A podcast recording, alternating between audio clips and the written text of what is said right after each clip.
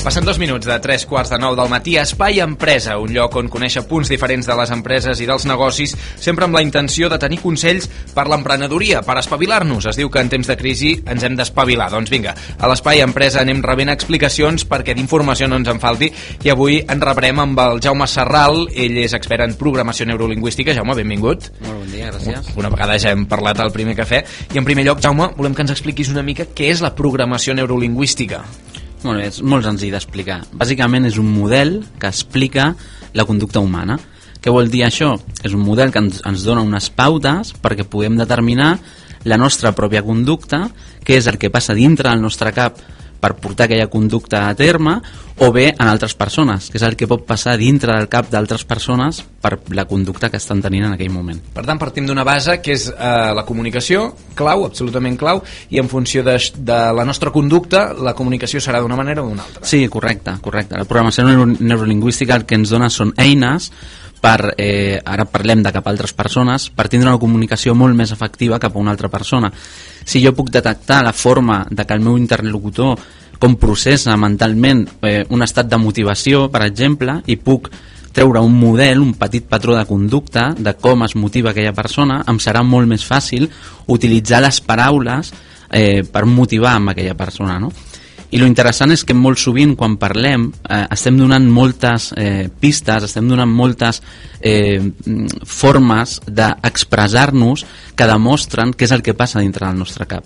Perquè de fet les persones quan ens volem comunicar el que volem és expressar el que tenim dintre del nostre cap i a través de les paraules el que fem és senzillament donar a, a la persona que tenim al davant quins patrons estan passant dintre del nostre cap. I això absolutament important, per, per exemple, per un professor o per una senyoreta que s'adreça a una quantitat gran d'alumnes i detecta, no? Pot detectar a partir de fer incidència en aquest punt o en aquest altre la resposta que tenen. Correcte, per exemple, en l'ensenyament és molt important, no?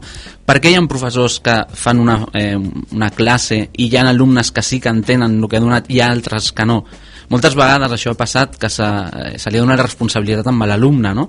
quan potser no és responsabilitat de l'alumne. Amb la programació neurolingüística el que fem és ensenyar detectar quines diferències en, entre aquests dos alumnes o entre diversos alumnes perquè puguin donar un missatge de forma que sigui clara tant per uns com pels altres. No? O, per exemple, amb el, amb el directiu d'empresa que, que vol motivar el seu equip, posem un equip de ventes, i a l'hora de motivar-los hi ha una part d'aquest equip que sí que es motiva però n'hi ha una altra part que no els hi arriba el missatge no? què és el que ha passat? Per què uns sí i els altres no? Doncs perquè els processos mentals que hi ha dintre de, del nostre caparró són totalment diferents. Aleshores, amb la programació neurolingüística el que fem és ensenyar a donar un missatge doncs, que arribi a un número més gran de persones, amb la qual fem una comunicació que sigui molt més efectiva. Per tant, ja ho veiem, eh, absolutament positiu, tant per, eh, per exemple, una professora com per un directiu d'empresa, eh, tothom en podria treure alguna cosa, no? Sí, sí, sí, o sigui, de, de fet, eh, al ser un estudi o un model de la conducta humana, a qualsevol lloc on hi hagi una relació amb altres persones, que hi tingui que haver una comunicació, i aquí fixat que el ventall de possibilitats és molt gran, no? eh, doncs li va bé. Per què? perquè l'aprendre a identificar aquests patrons que deia, el que farà és que ens entenguin millor. Molt probablement a tots ens ha passat alguna vegada que hem explicat alguna de certa forma i ha hagut alguna persona que ens ha dit ostres, no ho entenc. I tu et dius, però si això ho he explicat 10 vegades i tothom m'ha entès, per què aquesta persona no m'entén, no?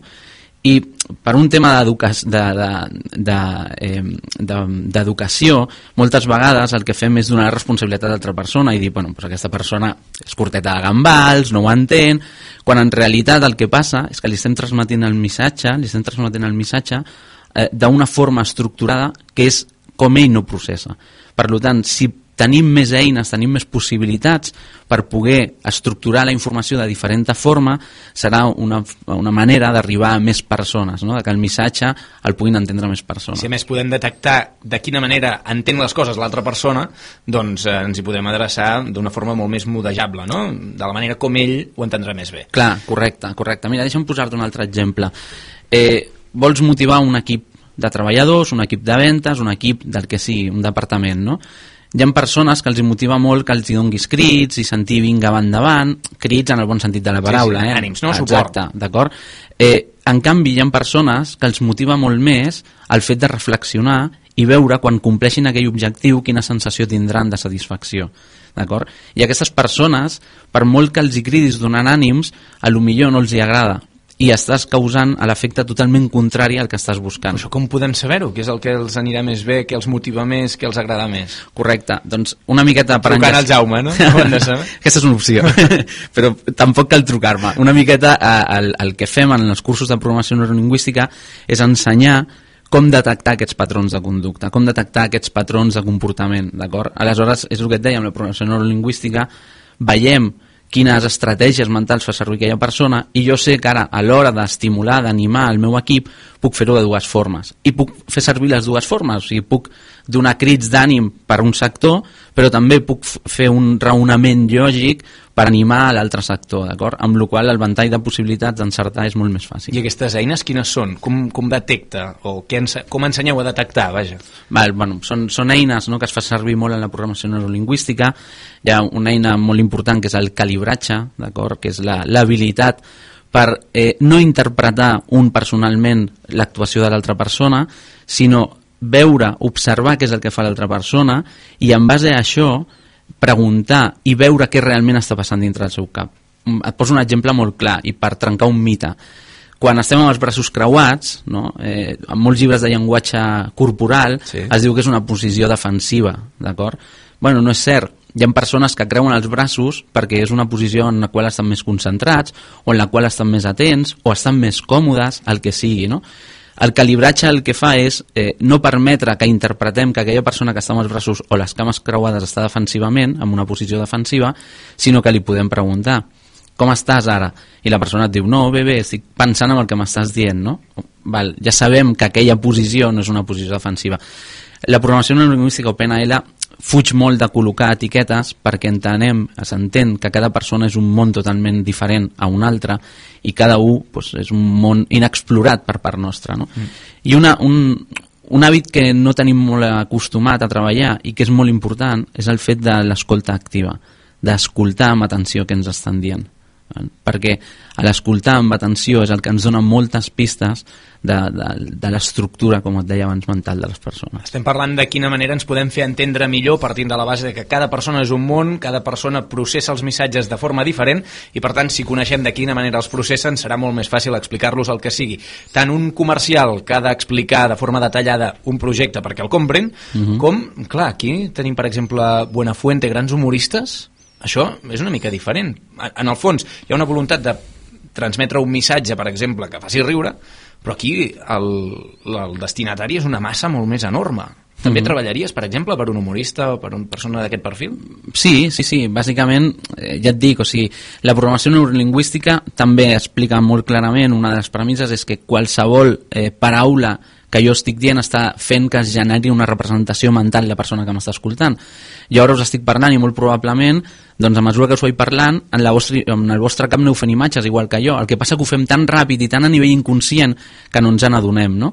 però això és el que ens fa riure o sigui, quan ens expliquen un acudit, molt probablement el que passa dintre del nostre cap és que com la sortida final de l'acudit és una que no esperem i dintre del nostre cap ens hem anat fent una imatge, una representació, es trenca aquesta representació, és un altre final totalment diferent al que esperàvem i això és el que ens causa, que ens fa gràcia. No?